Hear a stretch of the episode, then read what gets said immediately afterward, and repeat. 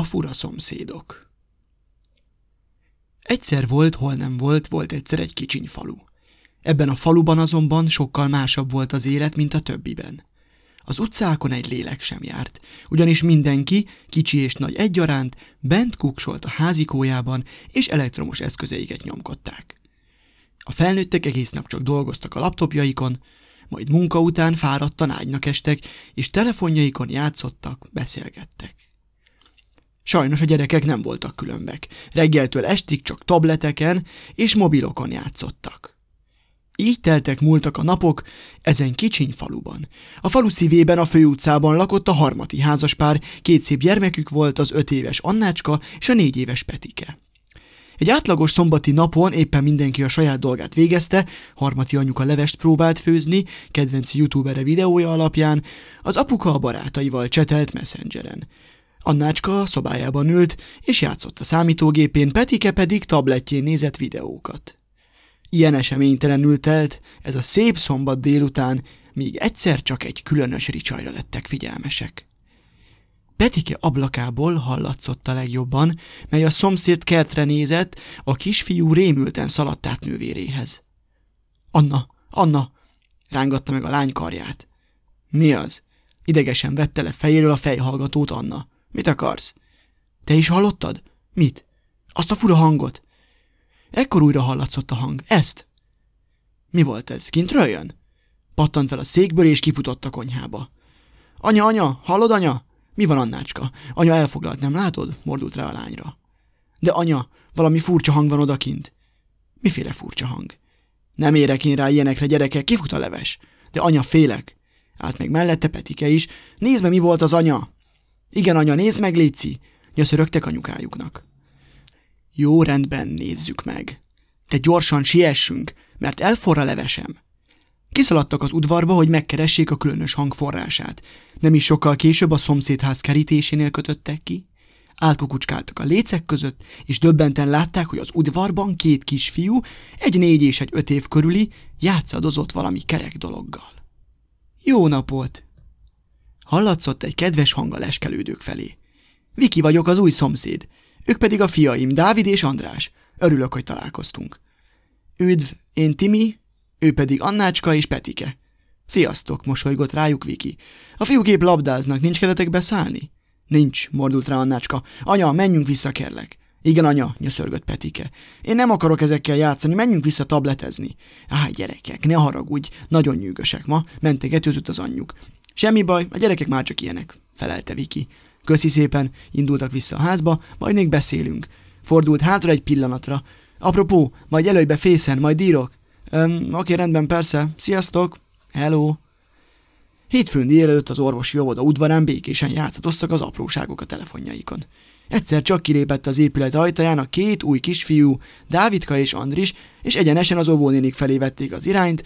A két néni az egyik padon ült és beszélgetett az elmúlt hét történéseiről, amikor a két lurkó megállt előttük. Csenge néni, Eszti néni, szólította meg az idősebbik őket. Van valahol az oviban valamilyen labda? Szeretnénk játszani Andrissal. Labda? Hát nem is tudom. Nézett rájuk meglepetten Csenge néni. Volt régebben, azt hiszem, felelte ezt néni, de már egy ideje nem láttam, nem szokták keresni a gyerekek. Inkább a telefonjaikat nyomkodják. Elgondolkozott egy pillanatra. Tényleg, ti miért nem telefonoztak inkább? Nekünk nincs olyanunk, válaszolta Dávidka. Az apa szerint felesleges butaság a mobil. És mi még kicsik vagyunk, folytatta András. Szülők, mormogta magában Csengenéni. Jól van, gyerekek, gyertek, keressük meg azt a labdát. Pár perccel később már vígan játszott a két kisfiú a labdával az udvar közepén. A többi gyerek is felfigyelt rájuk, és elkezdtek sugdolózni róluk, majd jó hangosan kinevették őket. Így teltek múltak a napok, hetekig, de a két kisfiú fittyet hányva a többiekre mindig csak labdázott egymással. Egyik éjjel azonban hatalmas vihar támadt, süvített a szél, csavargatta a fákat, szüntelenül szakadt az eső, áztatta a talajt, dörgött az ég, olyanokat villámlott, hogy az egész város bevilágította egy pillanatra. Hosszú, kemény éjszaka volt. Másnap azonban ragyogó napsütésre ébredtek a picinyváros lakók.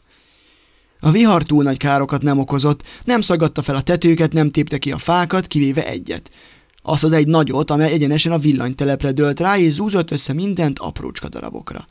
Aznap reggel a város lakói borzasztó dologgal szembesültek, az egész településen nem volt áram. Az emberek még egy napig elfoglalták magukat okos eszközeikkel, annak ellenére is, hogy az internet elszállt.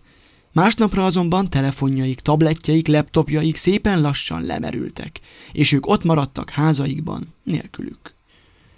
Nem volt ez másként a harmati családban sem. Aznap délután a szülők a konyhában veszekedtek, közben Annácska a szobájában ülve reménykedve bámulta a kikapcsolt televíziót, Petike pedig az ágyában sírdogált. Egy pillanatban azonban ismét felcsendült az a furcsa hang, amit hetekkel azelőtt hallott először. Amint meghallotta, felcsillant a szeme, és mosolyogva pattant ki ágyából, majd kirohant az udvarra. Pár perccel később már a szomszédház kapujában állt, és a csengőt nyomkodta szakadatlanul. Az idősebbi kisfiú Dávid kanyitott neki ajtót, és meglepetten bámult rá. Szia! Nos, öm, csak azt szeretném volna kérdezni, hogy esetleg én is csatlakozhatnék-e hozzátok játszani. Hebeget hapogott Petike. Tudsz focizni? kérdezett vissza. Hát, a valóságban még sosem játszottam, de gépen már sokszor, a szabályokat ismerem, felelte. Akkor gyere nyugodtan. Élőben sokkal jobb, majd meglátod, mosolygott vissza rá.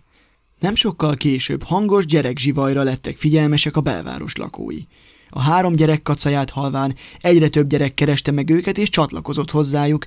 Ahogy így szaporodtak, idővel kimentek a főtére, hogy elférjenek. Estére már rengetegen játszottak a város főterén, voltak akik fociztak, voltak akik kidobóztak, de voltak bujócskázók, fogócskázók, labdázók és sok más játékot játszók egyaránt. A szülők a gyerekek vidám szórakozását látva elhatározták, hogy kevesebb időt fognak tölteni eszközeikkel, hogy többet lehessenek együtt a gyerekekkel, és megtaníthassák nekik azt a sok jó és különleges játékot, amiket ők szerettek gyerekként.